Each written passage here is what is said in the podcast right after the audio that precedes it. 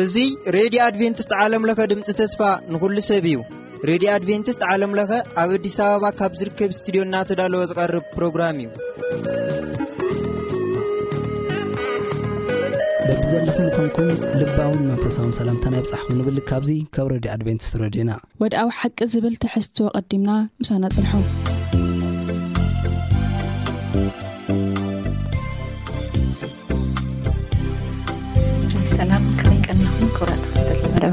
እዚ መደብ እዚ መደብ ውድዓዊ ሓቂ እዩ እናተኸታተልና ነርና ቀፃሊ ዝኾነ ትምህርቲ እዩ ናይ ሎሚ ንሪኦ ከዓኒ ነቲ ናይ ወንጌል ሚስጥር ዝብል ሻድሻይ መደብ ውድዓዊ ሓቂ ሓቢርና ክንርኢ ኢና። ቅድሚ ናብቲ መደብ ምእታውና ግን ሓቢርና ክንጽሊ ኢና። ንጸሊ። ትማሊ ዝነበርካ ሕጂ ዘለኻ ዘልኣለም ትነብር ዘይትልወጥ ሕጂ ውን ኣሕ ሓጢኣተኛታት ክንነሱ ቃልካ ኩሉ ግዜ ስለ ትምግበና ነመስግነካ በኣርከስ ንዝተረፈ ግዜን ሰዓትና ንስኻ ተረከቦ ካብ ስቴድዮና ንዝመሓለልፍ ትምህርቲ ኩሉ ከም ፍቓድካ ጌርካ ነት ንሰማዕትና ከከም ኣድላይነቱ ክተብጽሓሎም ንምሕጸነካ ኣይትፍለየና ስለ ሽም የሱስ ኣሜን።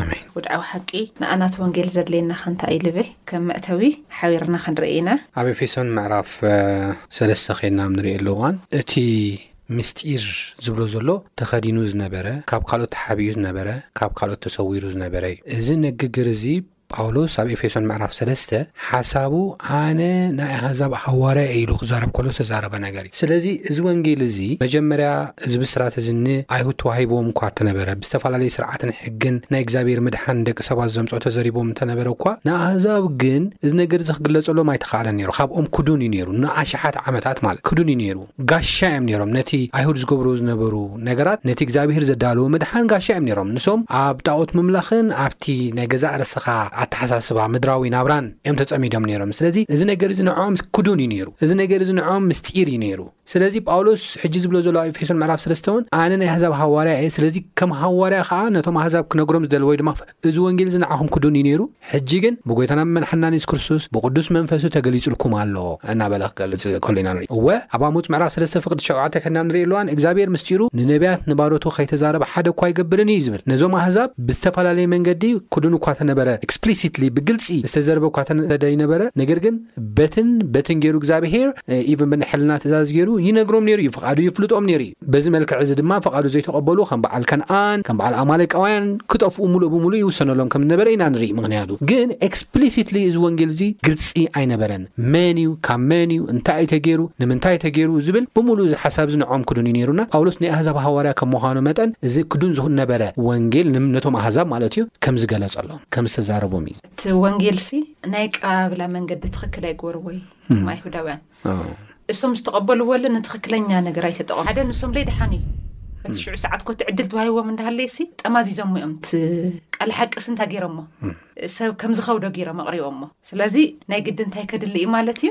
እወ። ንጹር ዝኾነ ሓቂ ከድሊ። ኣብ ዝቕጽል ከይድና ክንርኣ ከለና እቲ እስረኛ ዝኾነ ጳውሎስ ብጣዕሚ ፈተንቲ ዝመስሉ ኹነታት፣ ከበድቲ እዋናት፣ ኣብቲ ውሽጢ መፈንጥራ ኮይንካ እስኪ ወይ ድሞ እግዚኣብሔር ኣኽቢርካ ምሕላፍ ከመይ ኮይኑ ይረኣየካ? ከበድቲ መፈንጥራታት እዮም ነይሮም ብሓቂ ሕጂ ጳውሎስ እዚ ተሓጎስ ይብሎም ነይሩ ኣብ ሓጎስ ሃሊካ ኢኻ ንሰብ ተሓጎስ ትብል ግን ብደንቢ ዘስተማቐሮ ይመስለኒት ከመይ እዩ ገይሩ ኤፌሶን ምዕራፍ ስለስተ ሓደ ከድና ብ ንሪኦ ኣለዋን ከምኡ ናብ ኤፌሶን ምዕራፍ ሽዱሽተ ከድና ብ ንሪኦ ኣለዋን ጳውሎስ ዝነበሮ ኩነታት እዚ መልእኽቲ እዚ ክፅሕፍ ከሎ ዝነበሮ ኩነታት ይዛረብ እዩ እንታይ እዩ ዝብል ስለዚ ኣነ ጳውሎስ ምእንታኹም ኣህዛብ ናይ ኢየሱስ ክርስቶስ እሱር ይብል እሞ ኣብ ኤፌሶን ምዕራፍ ሽዱሽተ ከይድና ኣብ ንርእየሉ እዋን እውን እሱር ምዃኑ ዘረጋግጸልና ሓሳብ ኣሎ። እንታይ ይብል? ብዛዕባኡ ብመቝሕ እተኣሰርኩ ልኡኽ እየ እሞ፣ ከም ዚግብኣኒ ዀይነ ንምዝራብ ብእኡ ክተብዕ ጸልዩለይ እናበለ ኸኣ ዝዛረቦ ነገር ኣሎ። In fact ኣብ ምዕራፍ ሰለስተ እውን ካልእ ጥቕሲ እውን ብዛዕባ እዚ ሓሳብ ኣሎ እሞ እንታይ ይብል? ስለዚ ክብደትኩም እዩ እሞ በቲ ምእንታኹም ዝበጽሓኒ ጸበባይ ከይትስልክዩ እልምነኩም ኣለኹ ይብለና። ሓደ እሱር እዩ።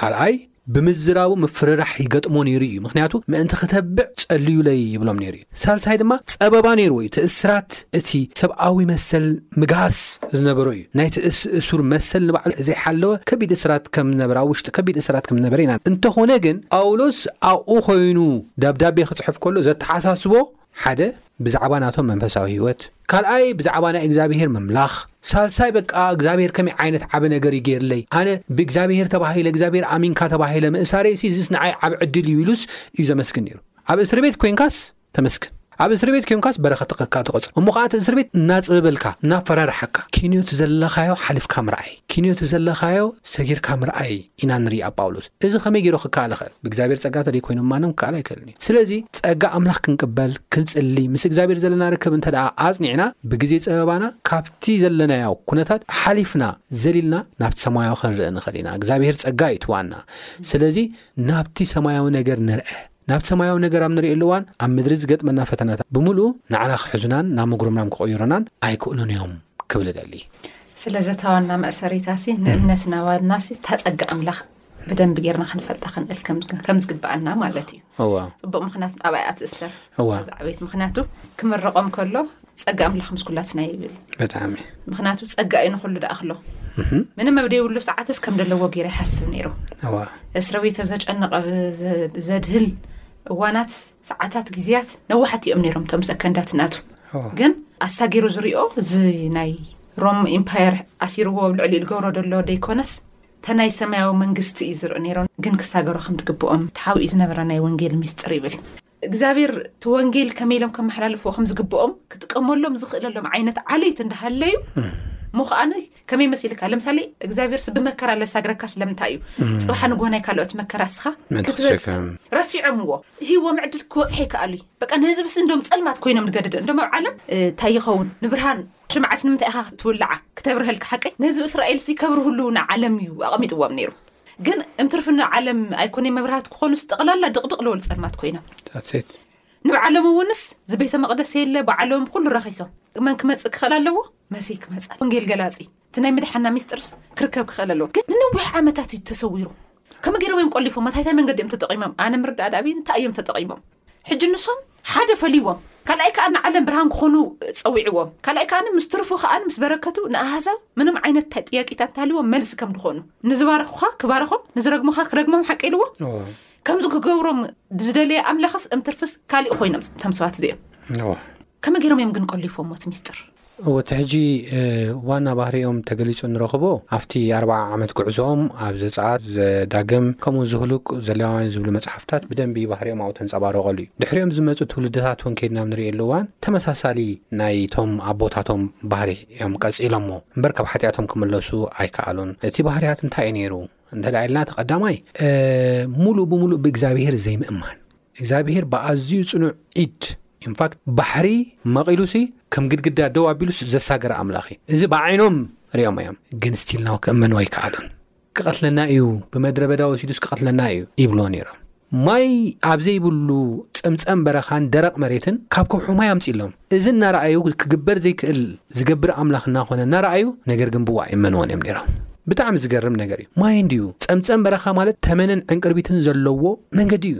ሓደገኛታት ኣራዊት ዘለዎ መንገዲ እዩ። ንሱ ጥራሕ ኣይኮነን ምዚ ሃሩር እግርኻን ኢድካን ብሙሉእ ሰውነትካን ክሓብጠሉ ዝኽእል መንገዲ እዩ ነይሩ። በዚ መንገዲ እዚ እግሮም ከይሓበጠ፣ ክዳኖም ከይበለየ፣ ጥዕንኦም ተሓልዩ እናኸዱ ምህላዉ እዚ ንባዕሉ ሚራክል እናሃለወ እዚ እዚ ተኣምር እዚ ከኣ ብእግዚኣብሔር ከምተገብረሎም እናረኣዩ ነገር ግን ስቲል ናው ክእመንዎ ይከኣል ስቲል ናው ክእመንዎ ይከኣል ብጣዕሚ ዝገርም እዩ ስለዚ እቲ ዋና ዘይምእማን እዩ ዘይምእማን እዩ ቃሉ ተዋሂብዎም ተኣምራት ተገይርሎም ክእመንዎ ግና ይከኣል እምነት እዩ ክእመንዎ ይከኣሉ ብኣምላኽ ክዓርፉ ይከኣሉን እስቲል ናው ኣበይ እዮም ዝእመኑ ነይሮም ካብ ዝገርመኪ ነገር ድሓር ኣብ ከይዲ መንገዲ ከይድና ንርኢ ኣለዋ ምራኽ ስርሓለይ እዮም ኢሎሞ ካብ ኣምላኽ ምእማን ካብ ዝተኣምራት ዝገብር ባዕሎም ብዝሰርሕዎ ብወርቂ ኣብ እዝኖም ኣብ በናጅሮም ዝነበረ ወርቂ ዝሰርሕዎ ምራኽ እዮም ክእመኑ ልቦም ዓሪፉ ብኡ ንስኻ ኢኻ ኣምላኽና ካብ ግብፂ ዘውፃኻና ኢሎም የግህይዎ ነይሮም ስለዚ እቲ ቀዳማይ ዘይምእማን እዩ ናይዚ ዘይምእማን ውፅኢት ፍረ ከዓ እንታይ እዩ ምጉርምራም እዩ ነይሩ ናይ ስጋዊ እቲ ካልኣይን ወሳንን ነገር ከዓ እንታይ እዩ እንተ ኢልና እንታይ እዩ ዘይምእዛዝ እዩ እግዚኣብሄር ክእዘዝዎ ኩሉ ግዜ ኢንሲስት ይገብሮም ነይሩ ነገር ግን ይሰምዑ ግን ኣይሰምዑ ኣይእዘዙን በዚ መንገዲ እዚ እቲ ሓደራ ተዋህቦም ዓብዪ ዕድል እዩ ተዋሂቦም ነይሩ ዓብዪ ቃል እግዚኣብሄር ሓደራ እዩ ተዋሂቦም ነይሩ። ንዓለም ከም ብርሃን ክኾኑሉ ዝኽእሉ መንገዲ እዩ ኣቐሚጡ ነይሩ። ነገር ግን እዚ መንገዲ እዚ ባዕሎም ብእግዚኣብሄር ብዘይምእማኖም እዚ መንገዲ እዚ ግን ከም ዘጸልመትዎ ኢና ንርኢ። ንርእሶም እውን ኣጸልሚትዎም ንኻልኦት እውን ከብርሁ ኣይከኣሉን። ንኻልኦት እውን ኣጸልሚቶም ማለት እዩ። እቲ ብርሃን ሓደራ ዝተዋህቦም ዓቢ ዕንቊ ንኻልኦት ካብ ዘይምክፋሎም ዝተላዕለ ንዖኦም እውን ኣኽቢሮም ካብ ዘይምሓዝ ዝተላዕለ ኩሉ ነገር ከም ዝጸልመተ ኢና ንርኢ። በዚ መልክዕ እዚ ስለዚ እቲ ዋና መሰረቱ ብጸጋ ኣምላኽ ተኣሽሙ ከም ከም ዘይኣመኑ ብኡ ክዓርፉ ከም ዘይከኣሉ ከም ዘይተረድእዎ ከም ዘይስተውዓልዎ ኢና ንርኢ። ብጣዕሚ ዝሕዝን ከኣንሲ ኣይሓፍሩን ይሕፍር እዩ ባይዘወይ ከምዚ ዓይነት ነገር ይጽበ እዩ ነይሩ እግዚኣብሔር እስካብታ ዝመጽእ ውልደት ዋላ ግደፎሞ ዝሰከንድ ከሚንግ እዚ ናይ መጀመርያ ኻስ ንውለ ንክውለድ ንክመጽስ ይጽበ እዩ ነይሩ ቦታ ኣርሒቑ ከይበሃል ኣቐዲሙ ሰኒድዎ ምቹው ጌርዎ ግን you know ሓዊኦሞ ናበይ ገልቢጦሞ እንዶ ንሶምስ ዝተመረጹ ወዲ እንዶም እኮ ንሶም እዚ ሽም ዝቐየረ ኣምላኽስ ብኣይሁዳውያን ጽዋዕቲ ኮይነ እግዚኣብሔር ሽምሲ ኣህዛብስ ከመይ ኢሎም ይኽተሉ ብልበይ እብለካ ኣለኹ ለኸትል ምኽንያት የብሎም ምኽንያቱ እግዚኣብሔር ዝነገሮም መንገዲ ንኣህዛብ ክበጽሑላ ካልእ እዩ ግን ኮይኖሞ ደለዉ ንሰብ ምንዓቕ እንዶም ናይ ባዕሎም ዘርእውን ሳምራውያን ጭራሽ ኣብ እቶም ሰባት እቲኦም ንሕና ዝኸበርና ዘርኢ ኢና ንስኻትኩም ግን ዝተዋረድኩም ኢኹም ኢቫን ዝጠፋእኹም ሰባት ኢኹም ንኣብቲ ሰባት ክጠፍእሉ ከለዉ ብሓጢኣቶምስ ከም ዕንጨይቲ መንደዲ ዕንጨይቲ ኢኹም ኢሎም እዮም ዝብልዎም ነይሮም ብጣዕሚ ዝሕዝን ሕሉፍ ሓሊፍዎም ካን ኣብ ኣሕዋቶም እውን በፂሖም ይሁዳን ሰሜናዊት እስራኤልን ክምቀላ ከለዋ ኣፈላላይ ፈጢረን ስለዚ እንታይ ክኸውን ጀሚሩ እቲ ብርሃን ክበርህ ይኸኣለ ህመይሉ ኣብ ባይብል ኮመንተሪ እንዳረእኹ ብቐዳማይ ኣማኒ ብዛዕባ እዚ ናይ ክርስቶስ ምምጻእሲ ኣይሁዳውያን ምንባብ ኣቋሪጾሞ መን ድዮም እንዳጽንዑ ነይሮም እዞም ኣሞን ሞኣብ እዞም ሰብ ምብራቕ እዞም ከተማ እዚኦም እዞም ዝተቐበልዎ ንክርስቶስ ኮይዶም ዝተቐበልዎ እሶም እዮም ዝምርውን ነይሮም ናይ እግዚኣብሔር መንፈስ ዓስቢ ሎም ምድሪ ከፅንዕ ከሎ ንሰባት ስ ኢሉ ባይብል ኮመንተር ኣለካ ብጣዕሚ ካ ትድነቕ ንሶም እዮም ዘንብኡ ነይሮም ክመፅእ ከለለ ዝተረድኦም እቶም ሰባት ንሶም እዩ ኣይሁዳውያንስ ከምዚ ገይሮም ዓፂፎም ክፈቢሎሞ እቲ ዝተነገረ ብነቢ ኢሳያስ ትሽዓተ ሽዱሽተ ደሎ እሶም ግን እስካብቲ ዝመፅእ ዋላ ካሊእ ሰብ ኣየብረሃሎም ዝረኸብዎ መፅሓፍቲ ንሓደ ሓደ ዋላ ንብዙሓት ዋላ ዝተሰወሩ ይኹን እምበር ርኢና ነርና ኢና ንክርስቶስ ዝተቐበልዎ ንመን ከም ትኽእሉ ስለዚ ብዙሕ ነገር ከም ዝተበላሸ ይነግረናና ጳውሎስ ብጣዕሚ ንፉዕ ዝኾነ ወንጌላዊ ብዙሕ ነገር ጥሒሱ እዩ ንኣሃዛዊ ወንጌል ኣውፅሑ ብጣዕሚ ኢንፋክት ከምኡ ኢሉ ብምምፅሑ ካብ ኣይሁድ ንባዕሉ ብዙሕ ሽግር በፂሕዎ እዩ ብጣዕሚ ብዙሕ ሽግር ንምንታይ ተብፅሓሎም ክሳብ ዝበሃል ማለት እዩ ኣሲም ትዘት እሞ ከዓ ስም ኣምላኽ ሒዞም ዝወፁ ሰባት እዮም እግዚኣብሔር እቲ ዓይነት ሰብ ተጠቂሙ እዩ እቲ ዘደንቀኒ ኣነ ናይ እግዚኣብሔር ኣሰራርሓ እዩ እቲ ዓይነት ሰብ ተጠቂሙ እቲ መሳደድስ ንውዓል ተሳዳዶ ኮይኑ ነቶም ኣይሁዳውያን ዘፍርሕ ዝነበረስ ብኣይሁዳውያን ክፅረፍ ጀሚሩ ሓስቦ ግን ተራ ነገር እዩ ምክንያቱ ስልጣን ይፈልጥ ዝና ይፈልጥ ክብሪ ይፈልጥ ኩሉ ይፈልጥ ኣብ መዛዚ ንክሪኦ ከለካ ተራ ነገር እዩ ትንሶም ተኸዲኖሞ እኒኡ ካባስ ከምዚ በዓሉ ኣብ ዝቀደዶ ክዳኑ ዝካሃን ቅድድ ምስ ኣበሎ ድሓቂ ሽዑ ቅድድ ኢላታ መንግስቲ ከኣኒ ምክንያቱ ምንም ኣይተገልግልን ንሳ ትሰርሕ እውን የፀንሐት እኮ ተተቀደደትለ ትሰርሕ የፀንሐት ብኸመ እዩ ቤተ ክርስትያን ናይ እግዚኣብሔር ምስጢር ትገልጽ እነና ምስ ሒዝና ዘለና ርእስቲ ኣብ ንርእየሉ እዋን ጳውሎስ ሓደ ኣብነት እዩ ከመይ ጌርና ክንሰበኽ ኣለና ከመይ ጌርና እቲ ምስጢር ክንገልጽ ኣለና ዝብል ሓደ ኣብነት እዩ እቲ ቀዳማይ ኣብነት ከብ ጳውሎስ ሓደ ቤተ ክርስትያን ክትመሃሮ ዘለዋ ካብ ጳውሎስ እዩ ኢለ እዛ ዝኣምን ምክንያቱ ኣብ መጽሓፍ ቅዱስ ኣብ ኤፌሶን ምዕራፍ ሰለስተ ከድናም ንሪኢ ኣለዋን ፍቅዲ ሰለስተ ቁፅሪ ትሽዓተን ቁፅሪ ዓሰርተን ከድናም ንሪኢ ኣለዋን እንታይ እዩ ዝብል እቲ ኣብቲ ኩሉ ዝፈጠረ ኣምላኽ ካብ ዘለኣለም ተሰዊሩ ዝነበረ ምስጢር መጋቢነት ከመይ ምዃኑ ንኹሎም ከብርሃሎም ተዋህበኒ ይብል እሞ ቁፅሪ ዓሰርተ ኣምላኽ በታ ብዙሕ ዝዓይነታ ጥበቡ ሕጂ በታ ማሕበር ገይሩ ነቶም ኣብ ሰማያት ዘለዉ ሽመታትን ስልጣናት ምእንቲ ከፍልጦም እንታይ ገበረኒ ቀብኣኒ ወይ መረጸኒ ዝብሎ ቃላት ኣሎ። ሕጂ ኣብዚ ጳውሎስ መጀመርያ ዝብሎ ዘሎ እንታይ እዩ?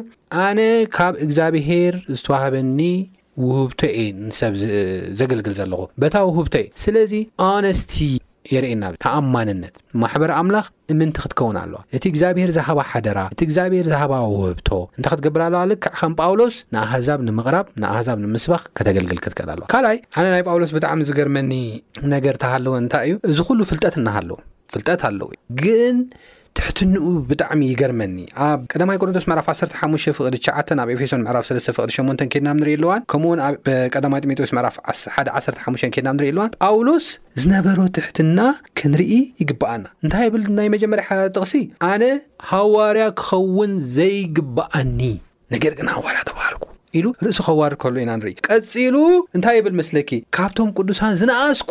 ዝዓበየ እኮ እዩ ጳውሎስ። ዓሰርተ ሰለስተ መጽሓፍቲ ናይ መጽሓፍ ቅዱስ ዝጸሓፈ ሰብ እኮ እዩ። ነገር ግን ዝነኣስኩ። ከም ግብዝ ክኸውን ደልዩ ኣይኮነን። ሓቁ እዩ፣ እዚ ናይ ልባዊ ዘረባ እዩ ዝዛረብ ዘሎ። ትሑት እዩ ነይሩ ጳውሎስ። ዝነኣስኩ ኢሉ ክዛረብ ከሎ ኢና ንርኢ። እቲ ሳልሳይ ከኣ እንታይ ኢና ንብል ዘለና? ኣብ ቀዳማይ ጢሞቴዎስ ምዕራፍ ሓደ ኣብ ፍቕዲ ዓሰርተ ሓሙሽተ ካብቶም ሓጢኣተኛታት ከኣ ዋና ሃዋርያ ክኸውን ዘይግብኣኒ። ካብቶም ቅዱሳን ከኣ ዝነኣስኩ መልሹ ከኣ እንደገና ኣብ ቀዳማይ ጢሞቴዎስ ምዕራፍ ሓደ ዓሰርተ ሓሙሽተ ከኣ ናይቶም ሓጢኣተኛታት ከኣ ዋና ኢሉ ክዛረብ ከሎ ኢና ንርኢ። ጠቕላላ እዚ ድምር ኣቢልና እዚ ሓሳብ እዚ ክንርእዮ ከለና እቲ ዋና ነጥቡ እንታይ እዩ? ጳውሎስ ትሕትና ነይርዎ እዩ። ኣብ ቅድሚ እግዚኣብሄር ትሕትና ነይርዎ እዩ። ብትሕትና ዝመላለስ ሰብ እዩ ነይሩ። ኣብ ቅድሚ ሰብ ትሕትና ነይርዎ እዩ። ስለዚ። ማሕበር ኣምላኽ እውን ሎሚ ወንጌል ከተብጽሕ እንተ ደኣ ኮይና ናብ ትሕትና ከተርኢ ክትከል ኣለዋ። ብትሕትና ክንቀርብ ክኽእል ንክእል ኣለና። ኣንለስ እንደ ኣዘርዋይስ ወንጌል ናብ ኣሕዛብ ከነብጽሕ ኣይንኽእል ኢና። ትሕትና ኣሎ ኣነ እየ ዝፈልጥ ጳውሎስ እኮ ን- ይብል ነይሩ እኮ እዩ ዝምክሓሉ ኣነ ብዙሕ ነገር ኣለኒ እዩ ይብል ነይሩ እዩ። ካብ ፈሪሳዊ ፈሪሳዊ እየ፣ ካብ ኣይሁዳዊ ኣይሁዳዊ እየ፣ ግሪክ ተበልኩም ግሪክ እፈልጥ፣ ፍላስፉ እፈልጥ፣ ኩሉ ነገር እፈልጥ ይብሎም። ካብ በዓል ስልጣን ዋና ኣኽራሪ ሕጊ ዝነበርኩ እየ፣ በዓል ስልጣን ዝነበርኩ እየ እናበለ ይ- ይዛረብ እኮ እዩ። ክምካሕ ዝ- ተዝግብኣንሲ ኣነ እየ መጀመርያ ክምካሕ ዘለኒ ኢሉ። ምምካሕ ምምካሕ ተምጽኡ ኣነ እየ መጀመርያ ክምካሕ ዘለኒ ዕንድየት ግን እዚ ኩሉ ንክርስቶስ ኢለ ከም ጉድፍ ከም ዘይረብሕ ገይረ ቆጸርክዎ ኢሉ ንክርስቶስ ኢሉ ዜሮ ከም ዝገኾኑ ገበሮ ኢና ኣብ ቅድሚ ክርስቶስ ትሕት ከም ዝበለ ኣነ ሃዋርያ ክኸውን ዘይግብኣኒ ኣነ ካብቶም ቅዱሳን ዝነኣስኩ ኣነ ካብቶም ሓጢኣተኛታት ዋና እናበለ እቲ ኣገልግሎቱ ክፍጽም ከሎ ኢና ንርኢ ማለት እዩ ብጣዕሚ ኣነ ዝገርመኒ እዩ ስለዚ ሎሚ እውን ማሕበር ኣምላኽ ሎሚ እውን ንሕና ወንጌል ክንሰብኽ እንተ ኮይና ትሕትና እዩ ዘቨርት እዩ ቀዳማይ እሙንነት ኢለክ ኣለኹ ኦነስቲ Honesty ነይሩ እታ ካብ እግዚኣብሔር ዝተዋህበቶ ቃል በታ ዝተዋህበቶ ውህብቶ ብኣጊሩ ኣብጽሑ እዩ ተኣማንነት ኣሎ እሙን ባርያ ዝብሎ ማቴዎስ ምዕራፍ ዕስራን ሓምሻን እቲ ካልኣይ ትሕትና እዩ እቲ ሳልሳይ ድማ ኬንና ኣብ ንርእየሉ እዋን ቅድም ኢለ ዘንበብክዎ ቁጽሪ ዓሰርተ ኣምላኽ ከኣ በታ ብዝዕዙ ዓይነት እታ ጥበቡ እታ ማሕበር ገይሩ ነቶም ኣብ ሰማያት ዘለዉ ሽመነ ከፍልጦም ብጣዕሚ ዝገርም ነገር እዩ እዚ ሰማያት ዘለዉ ሽመኛታት ዝብሎም እንታይ እዩ ወንጌል ኣብ ምድሪ ዘለዉ ጥራሕ ኣይኮኑን ዝከታተልዎ ኣብ ሰማይ ዘለዉ ፍጡራት ውን ይከታተልዎ እዮም ምክንያቱ ኣብ ሰማይ መጀመርያ እቲ ጦርነት ተጀሚሩ ብዛዕባ እግዛብሄር ወላ ዘይወደቁ ኮይኖም ብዛዕባ እግዛብሄር ባህሪ ግን ሕቶ ዝሓቱ መላእክቲ እህልዉ ኮኑ እዮም ስለዚ ናይ ክርስቶስ ወንጌል ፍንትው ክብል ከሎ ናይ እግዚኣብሄር ባህሪ ከምቲ ሰይጣን ዝበሎ ዘይኮነሲ ናይ እግዚኣብሄር ባህሪ ጻድቅ ፍቅሪ እሙን ሓቀኛ ኣምላኽ ምዃኑ ይርእዩ እዮም ይዕዘቡ እዮም በዚ ከዓ ይርድኡ እዮም ማለት እዩ ድፍረት ቅንዕና የድሊ እዩ ወንጌል ክትሰብኽ ከለኻ እቲ ዋና ናይ እግዚኣብሔር ዓላማኸ እንታይ እዩ ኣብ ሰማይን ኣብ ምድርን ዘለዎ ሓደ ንምግባር እዩ ኢሉ እቲ ዕላማ እግዚኣብሔር እውን ምፍላጥ ዕላማ እግዚኣብሔር እንተ ደይፈሊጥካ እንታይ ዕላማ እግዚኣብሔር ወንጌል ዝሰብኽ ዘሎ ኢልካ እቲ ዕላማ እንተ ደይፈሊጥካ ሽግር እዩ ንዘርእኻ ተዳሉ ንሓውኻ ተዳሉ ንሓፍትኻ ተዳሉ ከምታት እዩ ኣይኮነን ስለዚ እቲ ዓላማ ናይ እግዚኣብሄር እውን ምርዳእ እዩ ሕብረት ሓደ ኣብ ምግባር እዩ ዘሎ ናይ እግዚኣብሄር ዓላማ ኣብ ሰማይን ኣብ ምድርን ዘሎ ኢቨን ኣብ ምድሪ ዘሎ ኩሉ ሓደ ገይሩ ኢንፋክት ቅድም ኢልና ብዝሓለፈውን ርኢና ኢና ኤፌሶን ቤተ ክርስትያን ካብ ዝገርመኪ እቶም ዘነዓዕቕዎም ዝነበሩ ኣይሁዳውያን ምስቶም ዝንዕቕዎም ዝነበሩ ብሓደ ወንበር እዮም ኮፍ ኢሎም። ማዕረ እዮም ኮይኖም። ማዕረ። ኣብ ቅድሚ ኣምላኽ ማዕረ ከም ዝኾኑ እዩ እግዚኣብሄር ኣርእይዎም። ማዕረ ከም ዝኾኑ እዩ ቃል ኣምላኽ ነጊርዎም። ንስኻ ነዓቒ ምስቲ ተነዓቒ ማዕረ ኢኻ። እቲ ዝንዕቖ ዝነበረ ምስቲ ንዑቕ ማዕረ እዩ ኮፍ ኣቢልዎም እግዚኣብሄር እና ከምዚ ገይሩ ሓድነት ንምፍጣር። ስለዚ ዓላማ ኣምላኽ እውን እንታይ ምዃኑ ተረዲእና ክንሰብኽ ንከላል። ስለዚ እንተ ደኣ ዘይተረዲእና ወንጌል ከነብጽሕ ኣይንኸእላን ኣሕዛብ ዝብል ሓሳብ ክበል። ካብቶም ሃዋርያት ፍልይ ለብሎሲ ለምሳሌ ጴጥሮስ ታይ ዓይነት ባህሪ ነይርዎ? ጳውሎስ ክመጽእ ከሎ ምስ ኣህዛብ ይኸይድ፣ ጳውሎስን ክኸይድ ከሎ ናብ ኣይሁድ ይኸይድ ነይሩ። ከምዚ ዓይነት መንነት ነይርዎ። ጳውሎስ ለሸነፈ ከመይ ይመስለኒ መስለካ? ኣብ ቅድሚ እግዚኣብሔር ኩሉ ግዜ ዝቐርብ ኣብ ቅድሚ ነገስታት ኩሉ ግዜ ደፋር እዩ። እዚ ናይ እግዚኣብሔር ዝቐርቦ መንገድታት እዩ ኩሉ ንክዕወት ገይርዎ። ካብኡ ለለ ምርድኡ ጥራሕ ለይኮነ ንክርድኦ እውን ደልዩ። ሕጂ እታ ጸገም መጺኣ እኒኣ እኮ። ንክርድኦም ውን ኣይደልዩን ኻሊእ ኾነ ንክርድኦስ ኣይደልይ ለምሳሌ እንዳፈለጠ ስታይ ገብራ እንታይ እቲ ህውሉ ነቲ መንገዲ ግን ሓንቲ እያ እታ መንገዲ ንሳ ውን ሓቂ እያ ሓቂ ናብዚ ኣይትገልበጥን ኣይትዕፀፍን ንሳ እያ እታ ፍፅምትና ትሕት ኢሉ ጳውሎስ ካብቲ ዘለዎ ነገራት ወሪዱ ሽዑ እግዚኣብሔር ኣኽቢሩ ሽዑ እግዚኣብሔር ከዓ ንጳውሎስ ተኸገብሮ ጀሚሩ ኣብ ቅድሚ ነገስታት ተኸቢርዎ እስከ ተዛረብ ኢልዎ እኮ እዩ ሓቂ ዶ ሃዋርያት መፅሓፍ 26 እኒኦ እቲ ንጉስስ ክትእምነንስ ንእሽተይ ቀረትካዮ ወለዲ ተስታውሲደ ካብዚኣስ ኸይትውስኽ ደሓን ኢልዎ። ናይቲ ንጉስ ልቢ ኸም ዝጸንሐ እግዚኣብሄር ይፈልጦ። እስከ ኹንዶ ይደፍር ነይሩ? ስለምንታይ? ብፈተና ኢኻ ኽትፍለጥ። ሓቀይዶ? እወ። ግሬድ ካዝንን በ ዝፍለጥ ብምንታይ እዩ? ብፈተና እዩ። ስለዚ ናይ ግሬድ መፍለዪ መንነቱ እስሪ ቤት ነይራ። ኣብ እስሪ ቤት ኰይኑ ግን ከም ኺሳራ ለይኰነስ እንዶም ከም ዘትረፈ ንፊልጲስዩስ ሰባት ሓቂ መልእኽቲ ልኢኹሎም ነይሩ ሓደ ግዜ። እወ። እንዶም ኣትሪፈ እየ ኣይትጨነቑ ኢሉ ተገዲሶም ክጽልዩሉ ኸለዉ። ብቻ ንስኻትኩም ተቢዕኹም ነቲ ሓቂ ሓዝዎ ኢሎም ነይሮና ንሓና ክንገልፅ ባይዘወይ ተቐሚጥና ኢና ናይ እግዚኣብሔር ባህሪ ሓና ክንገልፅ ተለይክእልና ኣለዎ ንዝገልፅ ይጥቀም እዩ እግዚኣብሔር ናይ ህዳውያን ምጥቃም ምስ ኣወይት ኣይዲ ተጠቂሙ ኣህዛብ ኮይ ተጠቂሙ ሓቀኢዳ መጨረሻ ኣህዛብ እዩ ተጠቂሙ መጀመርያ ክንፈልጦ ዝግበአና መንገድታት ኒኦ እናተብራርሀ ነይሩ ብደንቢ ጌርና ንእግዚኣብሔር መነት ንፈልጦ እግዚኣብሔር ከምህር ስለለለይ ጥራሕ ንጳውሎስ ናምታይ ደርብዎ ንእስሮይት ናብ ብሉኪዳን ከይድና ክንርኢ ከለና ንኣህዛብ ከምህር ኢሉ ንዮናስ ናምታይ ደርብዎ ናብ ዓሳ ከብዲ እኒኦ መንገድታት እግዚኣብሔር ክጥቀመሉ ተደሉ ይገብሮ እዩ በቃ ስለምንታይ ለየትርፈሉ ነገር እግዚኣብሔር ኣይገብሮን ሰብ ልብና ውሽጢ ዝሓድር ክርስቶስ ክንፈልጥ ከስ ከምቲ እንዳተምሃርናዮ ዝፀናሕና ክርስቶስ ኣብ ልብና ከመይ ኢሉ ክሓድር ይኽእል ኣብቲ ዝረኸሰ ከተማ ከመይ ኢሉ እዩ ክርስቶስ ኣብቲ ናሃትና ልቢ ክሓድር ዝኽእል እቲ ልብና ከምቲ ትፈልጦ እንታይ እንታይ እዩ ዘስተኣናግድ ብዙሕ ነገራት ሓቂ ስለዚ ከመይ ኢሉ እዩ ክርስቶስ ኣብ ልብና ከሰ ቀዳማይ ርድኢት የድሊ እዩ እየ ዝብል ኣብ ኤፌሶን ምዕራፍ ሰለስተ ካብ ዓሰርተ ኣርባዕተ ጀሚሩ ክሳብ ዓሰርተ ሸዓተ ዘሎ ሓሳብ ከድና ኣብ ንርእየሉ እዋን ምእንቲ እዚ እውን ናብቲ ሰማያትን ኣብ ምድርን ዘሎ ኩሉ ወለዶታት ኣቦ ካብኡ ስማ ኣቦ ብብርከይ እምብርከኽ ኣለኹ ብመንፈሱ ኣብቲ ናይ ውሽጢ ሰብ ሓይሊ ምእንቲ ክትብርትዑ ኣብቲ ናይ ውሽጢ ሰብ ብሓይሊ ምእንቲ ክትብርትዑ ከምቲ ሃብቲ ክብሩ ክበኩም እጽል ኣለኹ ክርስቶስ ኣብ ልብኹም ብእምነት ምእንቲ ክሓድር ኣብ ፍቕሪ ሱር ሰዲድኩምን ተሰሪትኩምን ምስ ኩሎም ቅዱሳን ምግፍሑም ምንውሑም ምዕማቑን ቁመቱ እንታይ ምዃኑ ምስትውዓል ክትክእሉ እሞ ነታ ፍልጠት ወይ ድማ ሓለፋ ዘለዋ ፍቕሪ ክርስቶስ ክትፈልጥዋ ክሳዕ ኩሉ ምልኣት ኣምላኽ ምእንቲ ክትመልኡ እጽሊ ኣለኹ ይብል ስለዚ ጳውሎስ ዝጽልየሎም ዘሎ ማለት እግዚኣብሔር ስለ ዝጽንዖ እግዚኣብሔር ሓይሊ ስለ ዝሃቦ ኣይወደቐን ንካልኦት ኢንቭን ኣብ መከራ ኮይኑ ናይ ምብርታዕ ምክንያት ኮይኑ ዘሎ ግን ይፈልጥ እዩ እዚ ፈተና እዚ ኣብኡ ጥራሕ ከም ዘይተርፍ ናብኦም እውን ከም ዝመጽእ፣ ሓያል ስደት ከም ዝበጽሖምን ከም ዝሞቱን፣ ከምዚ ዓይነት ምብትታን ከም ዝገጥሞም፣ ብዙሕ ሽግራት ከም ዝገጥሞም፣ ማፋላላይ ከም ዝገጥሞም ተረዲኡ ኣሎ ጳውሎስ። ኢንፋክት ቅድሚ ናብሮም ምኻዱ እውን ክኸይድ ከሎ ድሕረይ ማሕበር ዘይርህርሁ ተዃሉ ክመጹኹም እዮም ኢሉ ተዛሪቦም ነይሩ እዩ ሓሰውታት ነብያት ከም ዝመጹ። ስለዚ ጳውሎስ እንታይ ይገብር ኣሎ ኣነ ተምበርኪኸ ይጽልየልኩም ኣሎኹ ክብሎም ከሎ ኢና ንርኢ። ተምበርኪኸ ዝጽልየልኩም ዘለኹ ዋና ምኽንያት ድማ እንታይ እዩ? ብሓይሊ ምእንቲ ክትብርትዑ እዩ። ኣብ ምድሪ ክንነብር ከለና ብዙሕ ፈተናታት ኣሎ እዩ።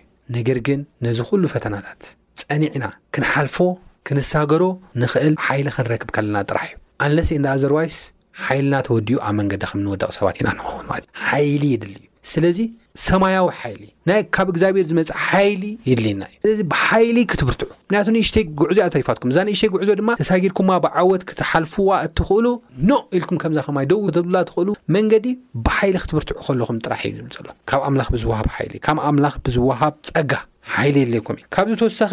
እምነት ድማ ክወሃበኩም እጽሊ ኣለኹ። ኮንኩማ ዘለኹም በታ ተቐቢልኩማ ዘለኹም በታ ሒዝኩማ ዘለኹም እምነት ድማ ክርስቶስ ኣብ ልብኹም ክሓድር። ኣፈላላይ ከሎ ክርስቶስ ኣብ ውሽጢ ሓዳርን ክርስቶስ ኣብ ውሽጥኻ ከይሓደረን ኣፈላላይ ኣለዎ። ክርስቶስ ኣብ ውሽጥኻ ክሓድር ከሎ እንታይ ኣለዎ? ሰላም ኣለዎ። ሰላመይ ክህበኩም እየ ሰላመይ።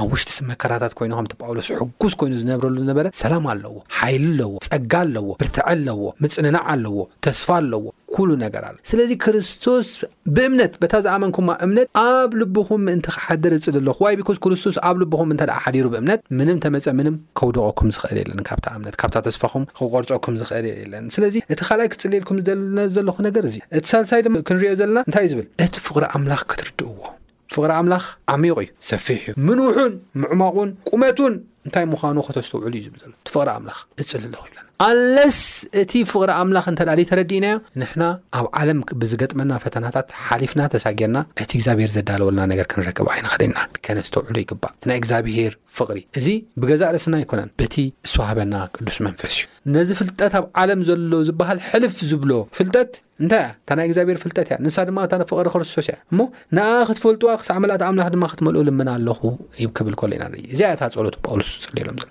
እዚ ነገር እዚ ንምንታይ እዩ ዝጠቕሞም? ከምቲ ቅድም ኢለ ኣብ መጀመርያ ዝበልኩኺ ኣብ ፈተና ንኸይወድቁ ከም ዝጠቕሞም ኢና። በቃ እታ ዋና ኣብዚኣ ቁልፊ እንታይ እያ ተይልክኒ ክርስቶስ ብእምነት ኣብ ልብኻ ምሕዳር እያ። ክርስቶስ ኣብ ልብኻ ብእምነት ሓዲሩ ማለት ኩሉ ነገር ኣለካ እዚ ዝተዛረብናዮ እዚ ምስትውዓል ተስተውዕል ኢኻ፣ ሓይሊ ትረክብ ኢኻ ከምኡውን ካልእ ነገራት። ነታ ፍልጠ ፍልጠት ሕልፍ እትብል ብዙሕ ነገር ክትርዳእ ትኽእል ኢኻ። ስለዚ እታ ቁልፊ በይኣ ዘላ ክርስቶስ ብእምነት ኣብ ልብኻ ሓዲሩ ዶ ኣይሓደረን እያ። ስለዚ ክርስቶስ ብእምነት ኣብ ልብና ክሓድር ዝኽእል መዓስ እዩ?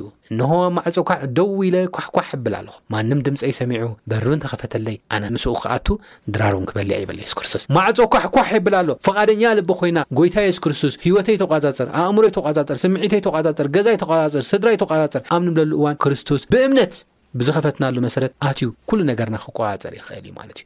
ካብ ሓጢኣት ባርነት ካብ ጥፍኣት ካብ ርኹሳን መናፍስቲ እውን ከድሕነና ይኸእል እዩ ማለት እዩ እሞ እታ ዋና እምነት እያ እታ ዋና ፍቓደኝነት እያ እታ ዋና ጎይታ የሱስ ህይወተይ ይለውጥ ምባል እያ። ኣይኮነን እግዚኣብሔር ግን ፍቓደኛ ምዃኑ ከምዚ ሓደ ሓደ ግዜ እስከ ልኾነ ኣቕሓ ክተወልዐሉሲ ረሲሑ ነይሩ ምናምንስ በተለይ ሸቲቱ ገለ ምናምን እንተነይሩ ንኻልኣይ ግዜ ድሕሪ ግዜታት ተለይኮነ ኣቕሓ ስኢንካ ተለይ ኮይንካ ብኣ ክትብል ዕላስ ኣይትሓስይ ዋላ ተትልሕጸ ከምዚ ከምዚ ሸቲትና እናሃለናሲ ትርዲእካ ፍንፉናት ኢና እኮ ግን እግዚኣብሔርስ ኣባና ክሓድር ፍቓደኛ እዩ ሕጅን ንዘለኣለምን ትዘገርም ኣሕና ፍቓደኛታት ምዃንና ጥራሕ ኣይኮነን ትዘገርም ንእሱስ ክብሩ ገዲፉስ ኣብ ውሽጥና ክሓድር ቴንክ ዩ ሰማች ምድላይ እዩ ምድላይ እዩ ክስእነና ከሎስ ዝጨንቆ እዩ ዝመስለኒ ኣነ ከምዚ ክሓድር ሞፂሲ ኣንኳሓኩሕስ ይስእነና ካሊእ ኮይና ንፀንሖ ተመሊሱ ይኸይድ ዲካ ንስለ ሞፂ ኣባና ክሓድርስ ትልብናስ ናይ ካሊእ ኮይኑ ክጸንሖ ከሎሲ ሒዝካዮ ከቢድ እዩ ልስመዐካ ስምዒት ልለኻሊ ከምኡ ይመስለኒ እግዚኣብሔር ለስተማቅሮና ብጣዕሚ ዕድለኛታት ኢና ካብዚ ምዕዳል ብለዓሊ ነገር የለን ኣንሕናሲ ሰማይ ምስ ኣተና ጥራሕ እዩ ኮንና ዕድለኛታት ንኸውን ኣብዚ ኣብዛ ረኽስቲ ከተማ ኮይና ለውንስ እግዚኣብሔር ኣብ ልብና ክሓድር ፈቃደኛ ኮይኑ እዩ ሓቂ ከምዚ ኢልና ንዛረብ ደለና ከኣኒ እግዚኣብሔር ሓቂ ስለልኾነ እዩ ትማሊ ይገብር ነይሩ ሕጂ እውን ክገብር እዩ ንዘለኣለም እውን ክገብር እዩ ኣብ ልብና ክሓድር ከኣ ንፍቓደኛ እዩ ግን ኣንሕና እንታ ክንኸውን ክንኽእል ኣለና እቲ ናይ ትማሊ መንነትና ክንገድፎ ክንኽእል ኣለና ደይኮነስ እስኻ ክተምህር ወይ ንብዙሓት ትርጉም ከም ድኾንካ ጳውሎስ ምእሳር እኮ ኣይሁዳውያን ዘሸነፉ እዩ ኮመስ ኢልዎም ነይሩ ግን ሓደ ንጉስ ይለዊጡ ንጉስ ዝኣክል ኢሉ ቃል ኣምላኽ ኣብ ውሽጢ ኣትዩ ሰቢኹ ኣብ ደገ ኮይኑ እኮ ክሰብኸ ይኽእል እዩ ነይሩ ባይዘወይ ኣብ ደገ ኮይኑስ ንዚ ንጉስ ክሰብከሉ ይክእል እዩ ተኣሰረ እዩ ፊት ለፊት ትዛረቦ ታይ እኒኤካ ኢልዎ ሓቀይ ዶ ካብ ተፈቐደላ ታይ ድኣ ክዛረብ ድዩ ዘምፅኦ እዩ ክዛረብ ሓቀይ ኩሉ ሕጂ ሓድሓድ ግዜ መፈንጠራ ዝሰደደትልና መሲልዎ ዓለም ተድባል ክመስላ ይኽእል ግን ተደማሚሮም እዚኦም ኩሎም ንምንታይ እዮም ንሰናይ ነገር እዮም ምሕደር ዝኾነ ልቢ ዝደለየ እግዚኣብሔር መጨረሻ መዛዘም ዝኾነ ጳውሎስ ሓሳባት ሂብ ብዛዕባ ክብሪ ቤተ ክርስትያንን ብዛዕባ መብራህርህታት ገለ እንዳሃበ ነይሩ ብዛዕባ እግዚኣብሔራዊ ባህሪ ናይ እግዚኣብሔር ባህሪ ክተብራህርህ ትኽእል ቤተ ክርስትያን እያ እና ነዚ ናይዚ መደምደምታ ብዛዕባ እዚ ናይ ክብሪ ልብል ጳውሎስ ብኸመይ እዩ ዝገልጾ እግዚኣብሔር ይባርኽኪ ሓፍትና ሳሌም ኣብ ኤፌሶን ምዕራፍ 3 ፍቕዲ 2ራ ክሳብ 2ራ ሓደን ከይድና ንሪኢ ኣልዋን እቲ መጠቓለለ ሓሳቡ ዝሕጂ እና ረኣና የፀናሕና መጠቓለለ ሓሳቡ ይዛረብ እዩ ብጣዕሚ ዝገርም ሓሳባት እዩ ዘለዎ እንታይ ይብል ግናኸ ከምቲ ኣባና ዝገብር ሓይሊ ካብቲ ንሕና እንልምኖን እንሓስቦን ዘበለ እምብዛ ኣዕዚዙ ክገብር ዝከኣሎ ካብ ዘለኣለም ንዘለኣለም ንኹሉ ወለዶ ውሉድ ወለዶታት ኣብታ ማሕበር ብክርስቶስ የሱስ ንኣዑ ክብሩ ይኹኖ ኣሜን። ኤፌሶን ምዕራፍ ሰለስተ ሓሳቡ በዚ እዩ ዝዓፅዎ ማለት እዩ ስለዚ ብዚ ሓሳብ እዚ እንታይ እዩ ዘርእየና እና ከሎ ሓደ ጎይታ ካብቲ እንሓስቦን ንሕና ክንፅሊ ከለና ንሕና ፍቃደኛታት ክንከውን ከለና ንሕና ድሌት ክህልወና ከሎ ካብቲ ንሓስቦን እንልምኖን ንላዕሊ እቲ ዝጸለናዮ ላዕሊ ገይሩ ከም ዝህበና እዩ ንዛረብ ዘሎ ማለት እዩ ንሱ ጥራሕ ኣይኮነን ከም ማሕበር መንፈስ ቅዱስ ኣባና ክሰርሕ ከም ቤተ ክርስትያን ክርስቶስ ኣባና ክሰርሕ ክርስቶስ ክመርሓና ክርስቶስ ቅዱስ መንፈሱ ክበና ክርስቶስ ኣብ ውሽጥና ኣብ ልብና ክሓድር ብእምነት ኣብ ንደልየሉ እዋን ነታ ማሕበር ክብሪ ከም ዝኾነላ እዩ ዛረበና እቲ ሓሳብ ማለት ስለዚ እቲ ነጥቢ ደኣ ኣበይ እዩ ዘሎ እቲ ቁልፊ ደኣ ኣበይ እዩ ዘሎ እንተ ትብል ትብል ኮይንካ ሕጂ እውን ኣባና እዩ ዘሎ እቲ ቁልፊ እዩ እቲ ቁልፊ እንታይ እዩ? ንለምን፣ ኣብ ቅድሚ ክርስቶስ ትሕት ንበል፣ ከም ፍቓድ ክርስቶስ ንመላለስ፣ እቲ ፍቕሩ ንረዳኣዮ፣ ደካማታት ምዃና ንእመን፣ ትዕቢትን እብሪትን ካባና ነወግድ ዝብል እዩ ዘሎ እቲ ቁልፊ። እወ ተባረኽ፣ እሞ ኸኣ ንየንሕና ሓጢኣተኛታት ክንነሱ እግዚኣብሔር ኣብ ልብና ክሓድር ዝደለየ ኣምላኽ ኣለና። ዝሸተትና፣ ዝተንዓቕና፣ ታሪክና ዝተረስዐ፣ እሞ ኸኣ ንብኣይሁዳውያን፣ እቶም ባሮት ዝነበሩ ንኣና ዝነዓቑና ሰባት ኔርና፣ ግን ንኽልቴና ማዕረ ዓይነት መንገዲ ከፊቱ ናይ ምድሓን ተቋደስቲ ዝገበረና ኣምላኽ ሰማይ ብዛዕባ ናቱ ዛንታ እንዳተዛተና ጸኒሕና። እምበኣርከስ ክቡራት ሰማዕትና ምንም ዓይነት ጥያቄን ሓሳብን እንተድህልወኩም። ብቑጽሪ ስልክና ዜሮ ትሽዓተ ዓሰርተ ዓሰርተ ኣርባዕተ ሓምሳን ሓደን ዜሮ ሓሙሽተ ወይ ድማ ብቑጽሪ ሳጹን ፖስታና ሚእትን ኣርባዓን ሓሙሽተን ኣዲስ ኣበባ ኢትዮጵያ ወይ ድማ ብናይ ኢሜይል ኣድራሻና TIG Sound